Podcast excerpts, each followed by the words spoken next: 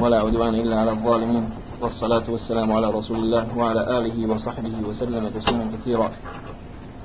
وأشهد أن لا إله إلا الله وحده لا شريك له وأشهد أن محمدا عبده ورسوله. بلغ الرسالة وأدى الأمانة ونصح الأمة وجاهد في الله حق جهاده حتى أتاه اليقين.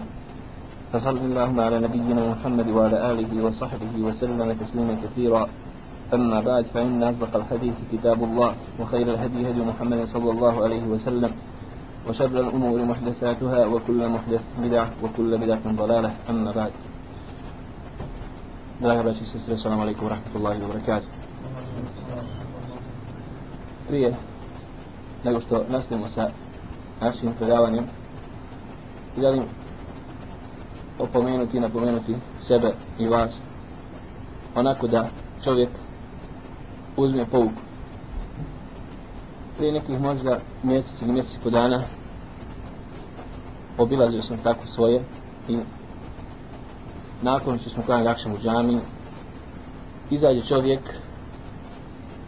koga sam znao od svog djetinjstva koji počeo da klanja vratio se vjeri nakon što je bio pijanica imao takav nekakav život pustio je bradu dao je uvakupio je komad zemlje za džami napravio na džami na to mjesto. Ali čovjek je toliko bio uzbuđen žalići se na sinove pogotovo na jednog od njih. Kako znamiravaju, kako bi huzure. ja sam čuo te priče još od prije ali eto sada sam čuo to od njega. Da bi danas kako kreće se sa jednim čovjekom također iz mog sela koji me posjeti na to i malo mi detaljnije te stvari pričao pošto je bio kod njega tu u tom šiluku živio je. Kaže prije možda neki 15 dana taj isti čovjek došao mu je. Došao mu je skoro plaćući kaže više ne znam šta ću. Ne mogu više da živim. Toliko su velika uznemiravanja maltretiranja od ti njegovih sinova pogotovo tog jednog pa kaže ja ga posjetim da će Allah izlaz bit će bolji. kaže ja zaista više ne vidim rješenje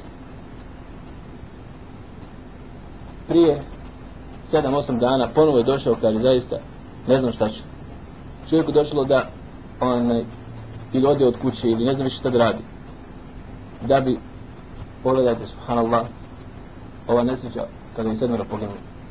jedan od tih što je bio bio taj jedan njegov sin koji najviše ga uznemiravao Allah je braćao čovjek treba se boji Allah subhanahu wa ta'ala za roditelj svi griješimo u, ne, u pazite u neposlušnosti prema roditeljima ali da te Allah išanu učini da budeš najvećim belajom svome babi ili majici to je zaista nešto veliko واتق دعوة المظلوم فإنه ليس بين الله فإنه ليس بينه وبين الله حجاب boj se dove onome kom učini nasilje jer nema zastora nema prijedi između Allah subhanahu wa ta'ala i čovjeka kom na nasilje. Nema pogotovo draga braćo i sestre kada je u pitanju babu, majka. Ono jedna suza, jedna riječ može biti uzrokom da Allah subhanahu wa ta'ala da vječno propast i nesreću i na gnjaluku i na ahiretu. Jest zato čovjek mora voditi računa po svojim roditeljima. Kažem, zaista nije stvar svi griješimo. I nismo svi i većina nas, osim koje se Allah subhanahu wa ta'ala smiluje nisu dovoljno odradili za svoje roditelje.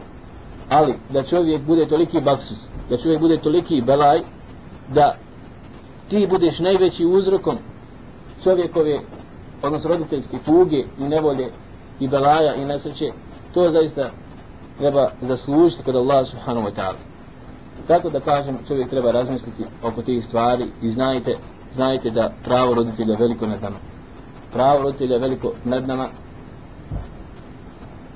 Hasan al-Basri rahmetullahi alaih draga braćo nije nije htio ići putem zajedno u korak sa svojim babom uvijek išao iza jer je smatrao neposlušnošću da ide prije svoga babi ili da ide uporedno.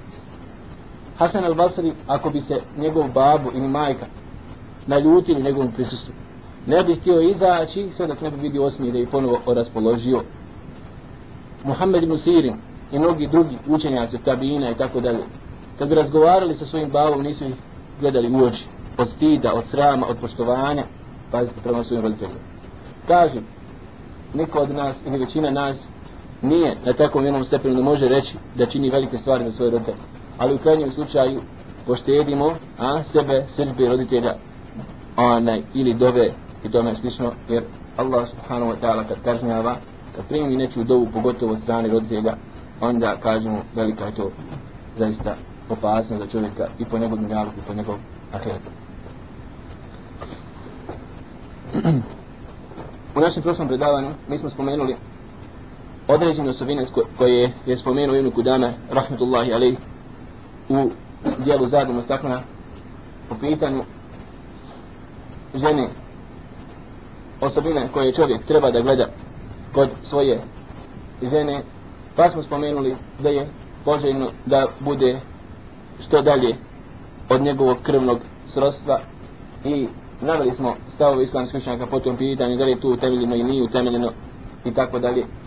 Spomenuli smo također da je poželjno da čovjek oženi djevicu jer je Allah poslanik sa alejhi preporučio Džabir ibn Abdullah radijallahu ta'ala anhu hal la tazawwajta bikra fatula'ibuk wa tula'ibuha. Što nisi Džabir oženio djevicu. Zatim smo spomenuli da je poželjno da žena bude rodkinja jer smisao i svrha braka jeste rađanje djece gdje smo naveli dokaz za to حديث الله وصنيك صلى الله عليه وسلم تزوجوا الودود الولود فإني مفاخر بكم الأمم يوم القيامة جنك جنك ويه će biti ljubke, odnosno će vas privlačiti, a, za koje ćete svezati svoju ljubav i onaj ženica žene koje će rađati, jer ja ću se ponositi vašom brojnošću na sudnjem danu pred ostalim narodom, kaže Allah poslanik sallallahu alaihi wa sallam. I na kraju spomenuli smo da Ibn ono Kudame zastupa mišljenje jednog dijela islamskih učenjaka da je poželjno i pohvalno da čovjek oženi ženu koja nema majke, znači da nema špunice, ako smo rekli to nije tačno, nije ispravno mišljenje i tako, ona, nego da se ta stvar vraća na od osobe do osobe, od vremena do vremena, od situacije do situacije, gdje čovjek treba voditi računa kakva mu je osnovi punica, a? Ona, pa ako vidi da je žena kakva da se voli petljati u brak, na osnovu iskustva, na osnovu prethodnih svojih čerki, odnosno njegovih svastika, ha, onda u tom slučaju bolje je da traži bolju punicu, gdje smo rekli da može zaista punica biti veliki oslanac u braku i podrška, gdje će savjetovati ženu i odigrati veliku i značajnu ulogu u čuvanju braka. Ali smo rekli da nema nigdje osnova u sunnetu Allahu poslanika sallallahu alaihi wa sallam za takav jedan stav. Zato, zatim je spomenuo Ibn Kudame, rahmatullahi alaihi, da čovjek koji zaprosi ženu, koji zaprosi djevojku, ima pravo da vidi kod žene ono što je kod nje i onako spoljašnje. Prebacio se sada Ibn Kudame da govori, drago braćo i sestre, po pitanju hidbe, po pitanju zaruke, koja biva prije samoga braka gdje navode islamski učenjaci iđma ummeta poput imami Nebevija zatim Ibn Kudame također Ibn Abdulber i ostali dio islamski kažem učenjaka koji navode čak iđma islamski učenjaka da je propisano i dozvoljeno da čovjek vidi svoju djevojku da čovjek vidi ženu koju ima namjeru oženiti. Jer vidjet ćete u trgovini Allahu poslani sallallahu alaihi wa sallam gdje je u pitanju roba a? Allahu poslani sallallahu alaihi wa sallam je zabranio trgovina koja biva zasnovana na nepoznanici jer iz toga proizilazi obmana i prevara ljudi. Ne'an nebiju sallallahu alaihi wa sallam al beji gharar zabranio Allahu poslani sallallahu alaihi wa sallam da kupiš nešto neneviđeno što ne znaš. Ne znaš kakvoću, opis, količini i tako dalje. Gdje možeš ili ti njega prevariti ili on tebe. A šta je tek kada je u pitanju ovako jedna velika stvar, poput braka, da čovjek oženi ženu ili da se žena ožen uda za muškarca, da on nju ne vidi ili da ona njega ne vidi. Zato je Allah poslanik sallallahu alaihi ve sellem propisao i praksom, djelom svojim i propisao je riječima, naredio da zaručnik, odnosno mladić, treba vidjeti djevojku. Da treba vidjeti djevojku. S tim da se islamski učenjaci razilaze po ovom pitanju, po pitanju detalja, šta je dozvoljeno da čovjek vidi kod žene. A šta? Nije. To je predmet, odnosno mjesto, ili pitanje po koje se islamski učenjaci, učenjaci razilaze. I ono što je najpreći da se kaže, Allah subhanahu wa ta'ala najbolje zna, jeste da je dovoljno da čovjek vidi kod žene lice i da vidi šake.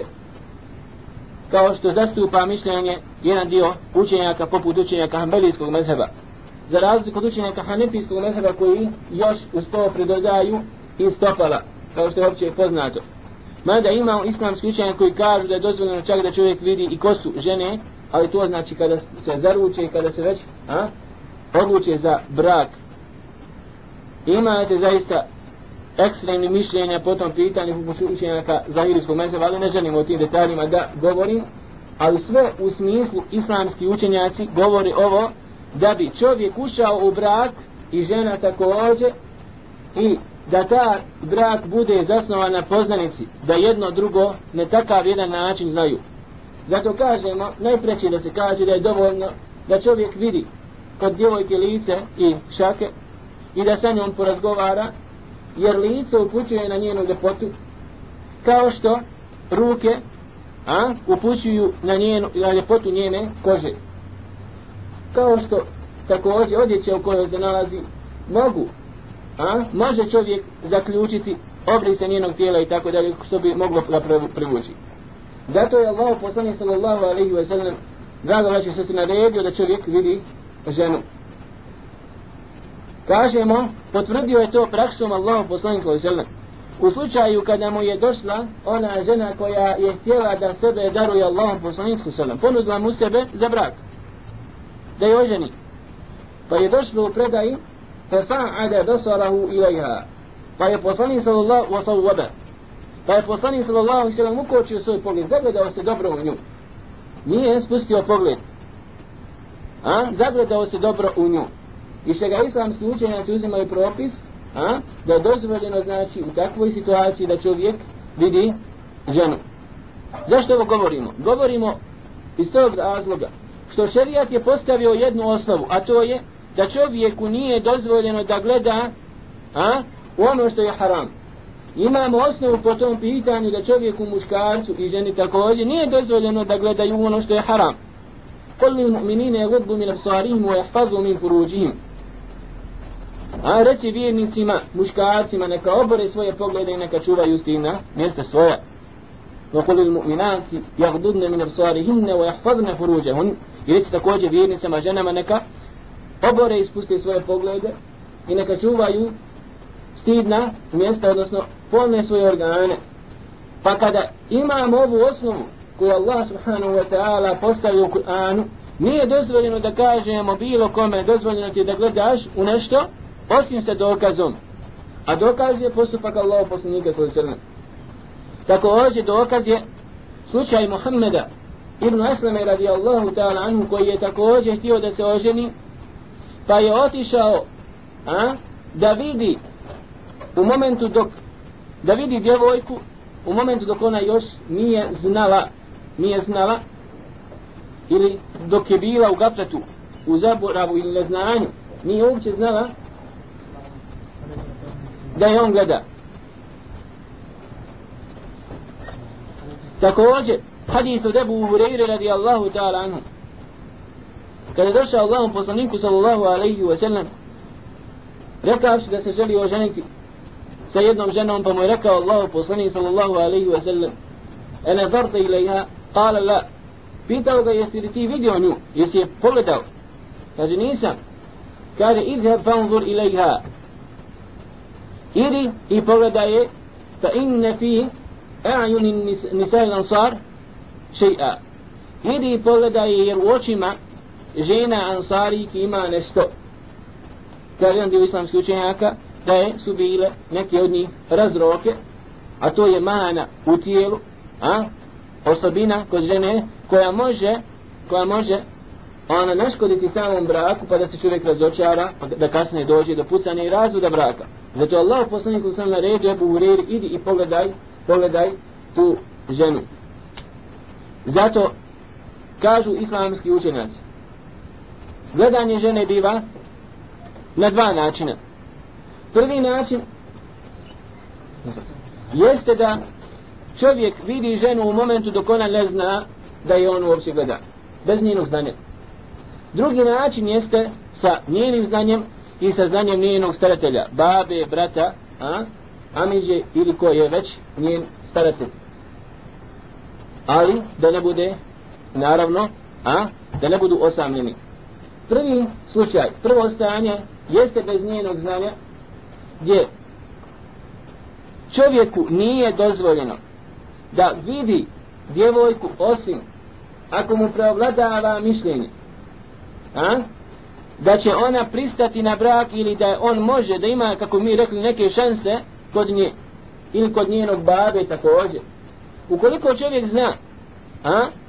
koliko čovjek zna da ne ima šanse i nema nekih predispozicija da će se da će ga ona prihvatiti ako bi otišao i zaprosio je i zna da nema šanse kod njenog babe u tom slučaju nije dozvoljeno draga braća i sestre da čovjek posegne za ovakvim jednim postupkom i da gleda a, ženu. Ali ako prevladava čovjeku ima namjeru iskreno prema djevojci na osnovu određenih informacija koje je dobio o njoj a, upala mu je u srce sa tog aspekta vanština haditha od Muhammeda ibn Eslame radi Allahu ta'ala anhu. Upućuje draga braću da je dozvoljeno. Jer je rekao mu jer mu je Allah poslanik sallallahu alejhi ve sellem jer je rekao Allah poslanik sallallahu kada padne nešto u čovjekovom srcu po pitanju žene razumijete li?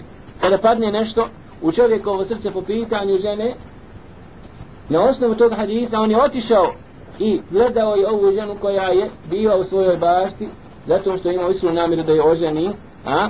I htio je da je vidi a da ona ne zna da je on u tom momentu gleda do te mjere da ima Meuzaji poznati veliki učenjak Fakih Šama smatra da je bolje da čovjek vidi ženu dok ona ne zna a? dok je u gafletu nemaru zaboravu kao da je vidi recimo na ulici dok hoda i ona uopće ne zna da je on posmatra u tom momentu jer kaže ona mu se tada nije dotirala a? nije se uljepšala a? za razliku od situacije kada dođe da je vidi kod njenog babe ili brata u kući je nam sasvim normalna stvar da će mu se uljepšati pogotovo ova stvar gledanje nije bez njenog znanja ima svoje pozitivne stvari kao da vidi kako se žena djevojka ponaša na ulici kako hoda jer draga braćo i sestre i kod čovjeka kod muškarca hod ponašanje na ulici a ima izuzetno veliki odnosno velika, velika se stvar odražava iz njegovog srca. Ono što je u čovjekovom srcu. Kako je njegovo duševno imansko stanje odražava se izuzetno mnogo na ulici. Jer Allah subhanahu wa ta'ala je opisao vjernike وعباد الرحمن الذين يمشون على الأرض هونا وإذا خاطبهم الجاهلون قالوا سلاما فسوى الله سبحانه وتعالى ربي a, robovi Rahmana, Allah subhanahu wa ta'ala, oni koji hodaju ponizno, odmjereno u svom hodu, po zemlji, hodaju ponizno, odmjereno, ne znači to da su spori, a, ne znači to ako čovjek vjernik ide žustro, čak naprotiv, podrazumijeva se hod sa ciljem, a, odmjeren, vidi se da vjernik ili vjernice koji hodaju su svakom momentu svjesni a, i svoje brade, i svoga hijjaba, svoje vjere koju nosi u svome srcu, u sebi. Tako ćete vidjeti razliku od hijjaba do hijjaba, a da ne govorimo a, razliku između pokrivene i otkrivene, a da ne govorimo opet između otkrivene koja klanja, a? i koja ima ko sebe islama i vjere u odnosu opet od žene koja je potpuno ostavila Allahu subhanahu wa ta'ala vjeru. Zato kao islamski učenjaci sa ovog jednog aspekta gledanje žene koju čovjek želi oženiti na e, recimo na ulici ili u situaciji kada ona nije svjesna i kada ona ne zna da je on posmatra ima svoje ima svoje prednosti. Do drugi način, odnosno druga situacija, jeste da čovjek pogleda ženu u prisutstvu njenog babe ili prisutstvu njenog brata, a ili u nekom drugom prisustvu, samo da ne budu osamljeni sa dozvolom babe ili sa dozvolom brata staratelja, ko je već zamjenik o, staratelja ako nema babe. O tim detaljima, inša Allah, govorit ćemo u nekom od naših narodnih predavanja. Zato je veoma bitna da čovjek, bitna stvar da čovjek vjernik svati ovu stvar. Jer vjerujte, lično sam imao recimo situaciju da kad pričamo kod ti neki stvari tako, a, da mi brat kaže vidio sam ženu kada sam htio potpisati bračni ugovor. Čekam venčanju, vidio prvi put ženu. Gdje zaista može biti to velikih posljedica kasnije u braku. Ako čovjek uđe ili žena u brak sa nekim koga ne zna, koga čak nije vidjela, a, ili on nije, nije vidio, gdje kasnije može se desiti razočarenje, gdje se može desiti razočarenje, one, ili obmana, bilo sa jedne, bilo sa druge strane. I mi ćemo govoriti, ako Bog da, određenim manama koje bivaju zapreke, ili mane koje ako se objelodane, čovjek ima pravo razvesti svoju ženu, kao što ako se mahane ispostavi kod muškarca, kod muža, žena ima pravo se razvesti i da traži razvod braka od svoga muža, jer islam i šerijat a, neće obmanu draga braći i sestre. Hoće da stvar bude jasna. Ne znači to ni u kom slučaju a, da sada se ode u drugu krajnost pa ćete vidjeti kako se izdaju petve olakšavajući su cilju olakšavanja ljudima da ne počine blud ili da se što bolje upoznaju, pa vidite da onda ljudi izlaze danonoćno, mladići sa djevojkama, na ovakav ili na onakav način upoznaju se, trebaju da se poznaju. Ne, ne govorimo o tome, draga braća i sestre. Ne govorimo, govorimo o propisu, a Allah subhanahu wa ta'ala, kako, na koji način, biva gledanje onaj djevojke, kako na koji način biva gledanje muškarca, biva znači na takav jedan način. Zatim kaže imam Ibn Kudame, rahmetullahi alaih, da je haram, da je zabranjeno zaprositi, upitati, znači za ženitbu, ženu koja je u iddatu. Bilo direktno ili indirektno. Da bismo ovaj propis pojasnili, moramo vam pojasniti neke druge stvari. Pazite. Iđma ummeta jeste da je zabranjeno zaprostiti ženu a, koja je udata. Jer Allah subhanahu wa ta'ala je spomenuo u suri An-Nisa wal muhsanat wal muhsanatu min An-Nisa kada govori o vrstama žena koje je zabranjeno oženiti jeste žena koja je udata, koja ima svoga muža Draga braćo, to je njegova čast. Čast muslimana je sveta. Čast muslimana je sveta. Kada se desi razvod braka, kada se desi razvod braka od strane muškarca, od strane muža, taj razvod braka može biti prvi ili drugi put. Allah subhanahu wa ta'ala dozvolio čovjeku muškarcu a, da ima pravo razvesti svoju ženu dva puta et talaku marratan a o tim isto detaljima i propisima inša Allah ta'ala ako dođemo do talaka do razvoda braka govorit ćemo detaljnije. Allah subhanahu wa ta'ala kaže at talaku marratan svak, a, ima se pravo dati razvod braka dva puta. Zatim Allah subhanahu kaže fe in talakaha fela tahillu lehu hatta tankiha zauđen gajrah Ako bude treći put čovjek razveo svoju ženu, ona mu se više ne može vratiti, nije mu više dozvoljena, sve dok ne bude se udala za drugog čovjeka. Tako da, žena kažemo može biti razvedena dva puta i to se zove talak rađa'i kao povratni razvod braka gdje kao šerijat želi da da priliku ženi i muškarcu da se ponovo vrati da se pomire nakon što su se posvađali i nakon što su odlučili a, da se raziđu. Kao da šerijat daje pravo na grešku jedan put muškarcu. Jer brak je ozbiljna stvar. Brak nije šala. Brak nije nešto a, što čovjek smije se poigravati sa tim. Kao da šerijat daje grešku pravo na grešku muškarcu jedan put s druge strane kao da daje pravo na grešku ženi jedan put jedan put se desio razvod braka u redu imate pravo da se pomirite da se vratite. Drugi put opet se desio razvod braka opet imate pravo da se vratite ali treći put ne. Nije dozvoljeno sve dok ne bude udala se žena za drugog čovjeka šerijaski validen ispravan brak a? I ako bi se desio onda nakon toga ponovo razvod braka a nje onda ima ponovo pravo da je oženi naravno sa novim bračnim ugovorom ali kažemo ti detaljima ćemo govoriti detaljno e imate u takvoj jednoj situaciji nakon prvog i drugog razvoda braka period ibdet koji žena čeka koji se razlikuje od toga da li žena ima menstruaciju ili nema, da li je trudna i tako dalje, ali kažem opet o tim detaljima ćemo govoriti.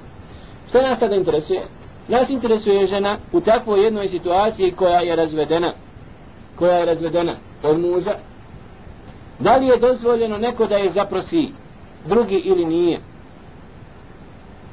Spominju islamski učenjaci iđma, iđma, da nije dozvoljeno, draga braćo, niti direktno, niti indirektno, da neko dođe i da upita takvu jednu ženu koja se razvela prije mjesec dana od svoga muža, da je zaprosi i da je upita da se oženi sa njom. I ukoliko bi se desio takav brak, da se sklopi brak, taj brak je neispravan, u šerijalskoj državi se taj brak rastura, pošalje se policija koja razvoji ih. A? I postoje stavo islamskih učenjaka da se može a, izvršiti na njima šerijalska kazna u smislu, ne šeri, u smislu kamenovanja, ne, ne u smislu bluda, ali da ima pravo vladar ili kadija da ih zatvori i onaj, da im spuca određenu onaj kaznu i tako dalje. Znači nije dozvoljeno u takvoj jednoj situaciji da čovjek dođe da zaprosi ženu bilo direktno ili indirektno. Dobro. Šta je sada sa ženom koja je razvedena treći put koja je razvedena treći put ne može se više vratiti ne može se više vratiti da li ćemo reći da li je dozvoljeno da dođe neko da je zaprosi dok je još u idetu kaže jedan dio islamskih učenjaka da je dozvoljeno tada doći zaprositi na indirektan način. Pazite, na indirektan način.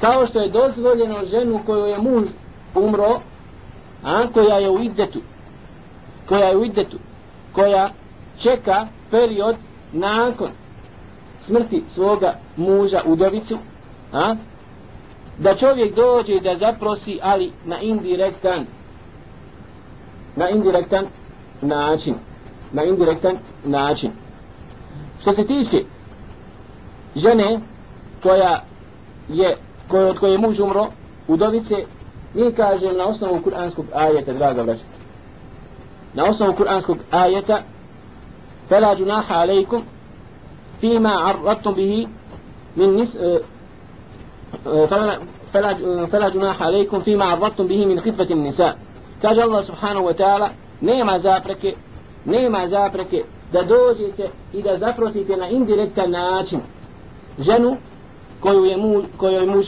umro u dobicu dok je još u idetu kao da čovjek kaže toj ženi a žena kao što si ti čovjek može je samo poželiti.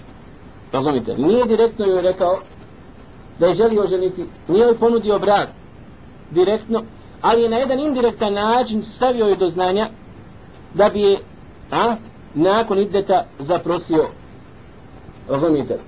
I njoj u takvom stanju je dozvoljeno da kaže recimo da privati taj indirektan način indirektnu e, ponudu kao da kaže a čovjek kao što si ti ne bi se mogao odbiti i tome slično. Jer Allah subhanahu wa ta'ala kaže nema zapreke nema problema nema grijeha da vi zaprosite na indirektan način u kontekstu žene kojoj je muž umro dok je još ojde tu jer je Allah poslanik sallallahu alaihi wa sallam na indirektan način spomenuo to ummu salame radi Allahu ta'ala anha. I kažemo ovaj propis je isto vezan po pitanju žene koja je po treći put razvedena od svoga muža kod jednog dijela islamskih učenjaka mada ima islamski učenjaka koji kažu za ženu koju je muž po treći put čak razveo da ni tada nije ni direktno niti čak indirektno dozvoljeno prositi znači nije sporan sporan idet nakon prvog ili drugog razvoda braka tu je izma da nije dozvoljeno jer žena tada draga braće i sestre ima propis žene tog prvog muža ona je još u, a, njegova žena i ukoliko bi on nju htio vratiti ponovo ima je pravo vratiti. Nije potreban novi bračni ugovor. Nije, nisu, nije potreban novi mehr. Čak od jednog dijela islamskih učenjaka nisu potrebni čak ni svjedoci. Mada i sigurnosti i opreznosti bolje je da se uzme mišljenje koliko sjećam učenjaka malikijskog mezheba koji obavezuju samo dva svjedoka da čovjek koji je razvio svoju ženu prvi ili drugi put da posvjedoči a dvojicu ljudi da uzme za svjedoke i da oni mu posvjedoče da je on nju vratio da je on nju vratio jer Allah subhanahu wa ta'ala kaže وَبُعُولَتُهُنَّ أَحَقُّ بِرَدِّهِنَّ إِنْ يُرِيدُ ذَلِكَ إِنْ يُرِيدُ إِصْلَاحًا a njihovi muževi imaju najveće pravo da njih vrate nakon što su ih razveli nakon prvog i drugog razvoda braka ako žele oni da se pomiri.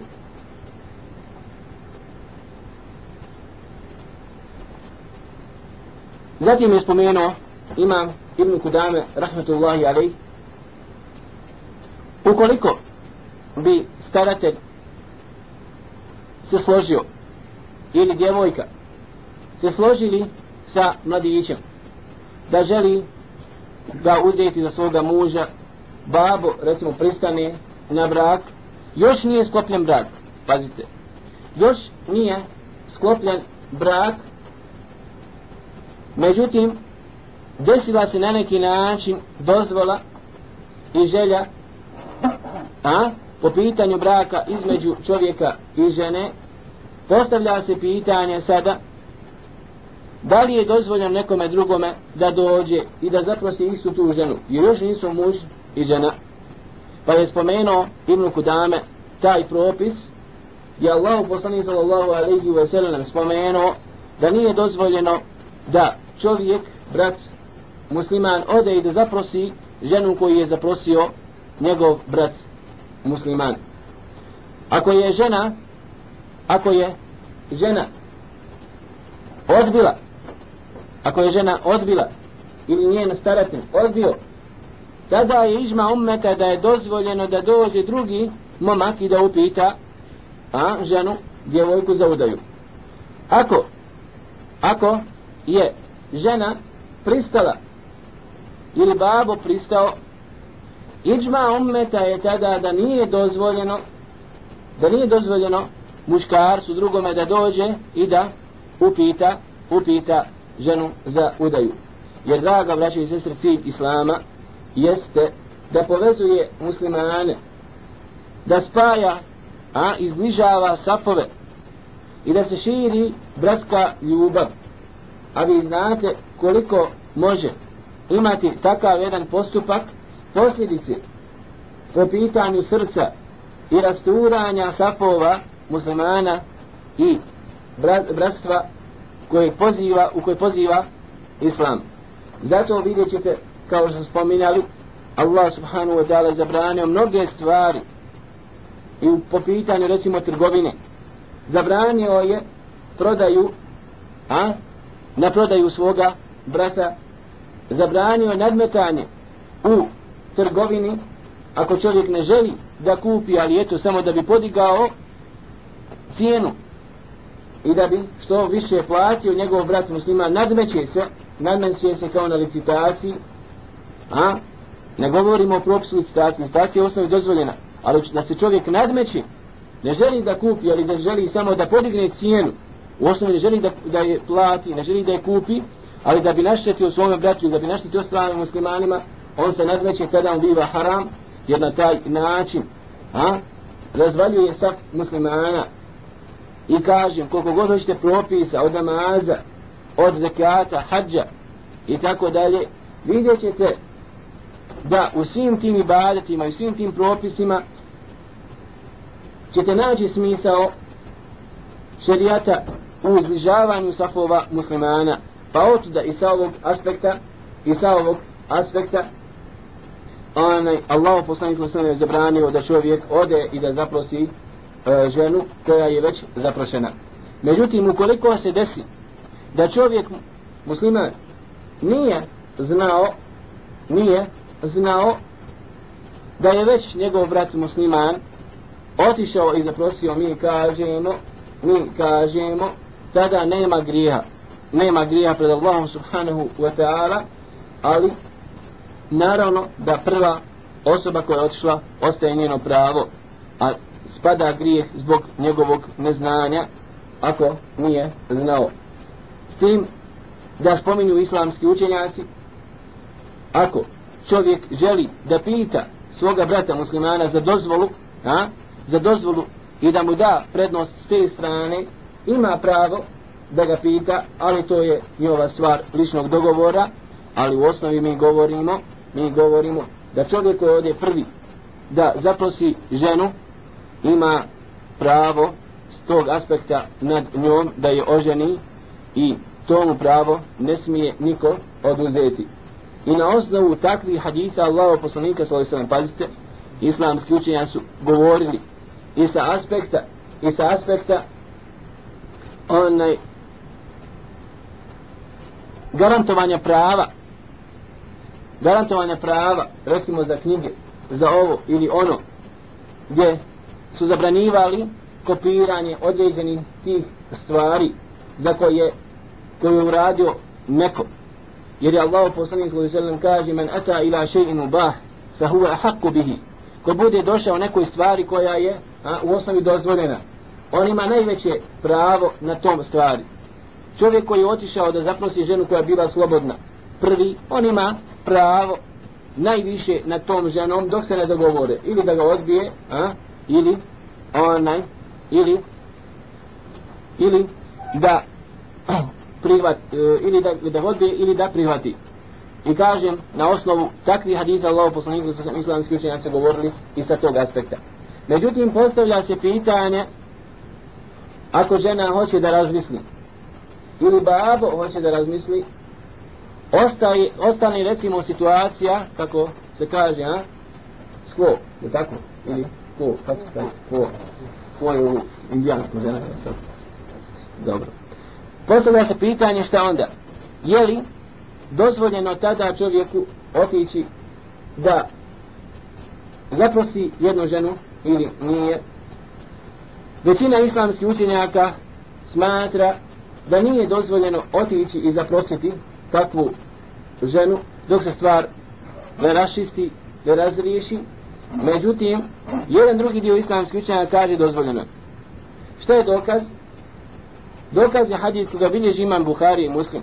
Kada je došla Fatima, bintu Qais, radi Allahu ta'ala anha, Allahom poslaniku sallallahu alaihi wa sallam, i upitala ga je za dvojicu ashaba koji je prosjek upitala ga je za Muaviju i upitala ga je za Džahma pa je rekao Allahu poslanik sallallahu alaihi wa sallam što se tiče jednog od njih on je Saruk što znači nema para, siromašan je. Bit, neće biti dobro sa njim. A što se tiče drugog, drugoga kaže fa innehu la jedau asa i on ne ostavlja štab. Kaže jedan dio islamskih učenja kao on ne ostavlja štab non stop je na putovanju. Neće ti biti lijepo sa njim neće biti često s tobom u kući. A drugi dio islamskih učenja kaže on ne ostavlja štab udara a, žene. Bježi od njega. Bježi od jednog i od drugog udaj se za koga? Udaj se za Usamu tako da je Allah poslanik sallallahu alaihi ve sellem pogledajte umetnu u takvu jednu situaciju trećog ashaba a, i preporučio joj trećog, trećeg čovjeka i što ga islamski učenjaci uzimaju propis da u situaciji koja još nije šta a razriješena nije žena prihvatila niti odbila ima samo ponudu ili babo imaju šta? Ima pravo ući u takvu još nerašićenu i nerazriješenu situaciju treća osoba.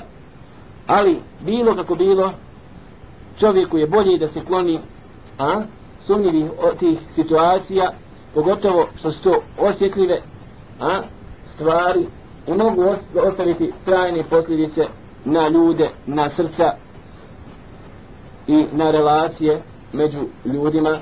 Allah subhanahu wa ta'ala ako ti je bude odredio nema toga ko će ti je zapriječiti a s druge strane ako Allah subhanahu wa ta'ala nešto ne bude odredio u tome znaj sigurno i hajr za tebe. Zatim je spomenuo Ibn Kudama da je pohvalno sunnet draga braćo i sestre da čovjek prilikom prilikom sklapanja braka pazite a? I dogovora da se prouči hudba koja se zove hudbatul hađe. To je hudba koja se uči prilikom sklapanja braka i dogovora shodno hadithu od Abdullah ibn Mas'uda radijallahu ta'ala anhu. Da učenju ove dove odnosno učenju ove hudbe kaže većina islamskih učenjaka da je učenje ove hudbe samo mustahab pohvalno i na tom stavu stoje učenjaci hanefijskog, malikijskog, šafijskog, hanbelijskog mezheba za razliku od učenjaka zahirijskog mezheba koji smatraju da je ova hudba vađib, obaveza. I ukoliko bi se propustila prilikom sklapanja braka, a, kažu da je čovjek griješan. Da je čovjek griješan. Ne znači da brak nije ispravan, ne. Nego kažu da je griješan. Međutim, manština hadisa Allahu poslanika svoj sallam koji govori o onoj ženi koja je došla da sebe da ponudi za brak Allahu poslanik sallam upućuje da ipak ova hudba nije obavezna nije obavezna jer kad je Allahu poslanik svoj sallam odbio odnosno kada je šutio rekao je ovaj ashab ja Rasulallah oženi me sa njom ako ti je nećeš Pa je Allah poslani sallallahu alaihi wa sallam njega u tom momentu oženio sa njom. I nije proučio šta? Ovu hudbu. I što ga islamski učenja kažu nije vađib, nije obaveza, ali je bolje mustahab preporučeno. A ta hudba jeste sljedeća kako došlo u sunnetu Allah poslanika sallallahu alaihi wa sallam Inna alhamdulillahi nahmaduhu wa nasta'inuhu wa nasta'gfiruhu ونعوذ بالله من شرور أنفسنا ومن سيئات أعمالنا من يهده الله فلا مضل له ومن يضلل فلا هادي له وأشهد أن لا إله إلا الله وحده لا شريك له وأشهد أن محمدا عبده ورسوله Zatim je Allah poslanik sam proučio Kur'anski ajeti sure Ali Imran يا أيها الذين آمنوا اتقوا الله حق تقاته ولا تموتن إلا وأنتم مسلمون. Zatim je spomenuo Allah poslanik sallallahu alaihi wa sallam ajeti sure An-Nisa يا أيها الناس اتقوا ربكم الذي خلقكم من نفس واحدة وخلق منها زوجها وبث منهما رجالا كثيرا ونساء واتقوا الله الذي تساءلون به والأرحام إن الله كان عليكم رقيبا. ذاتي يسمونه ترشي قرآن آية سورة الأحزاب. يا أيها الذين آمنوا اتقوا الله وقولوا قولا سديدا يصلح لكم أعمالكم ويغفر لكم ذنوبكم ومن يطع الله ورسوله فقد فاز فوزا عظيما. ذاتي يسمونه الله صلى الله عليه وسلم أما بعد فإن أصدق الحديث كتاب الله وخير الهدي هدي محمد صلى الله عليه وسلم وخير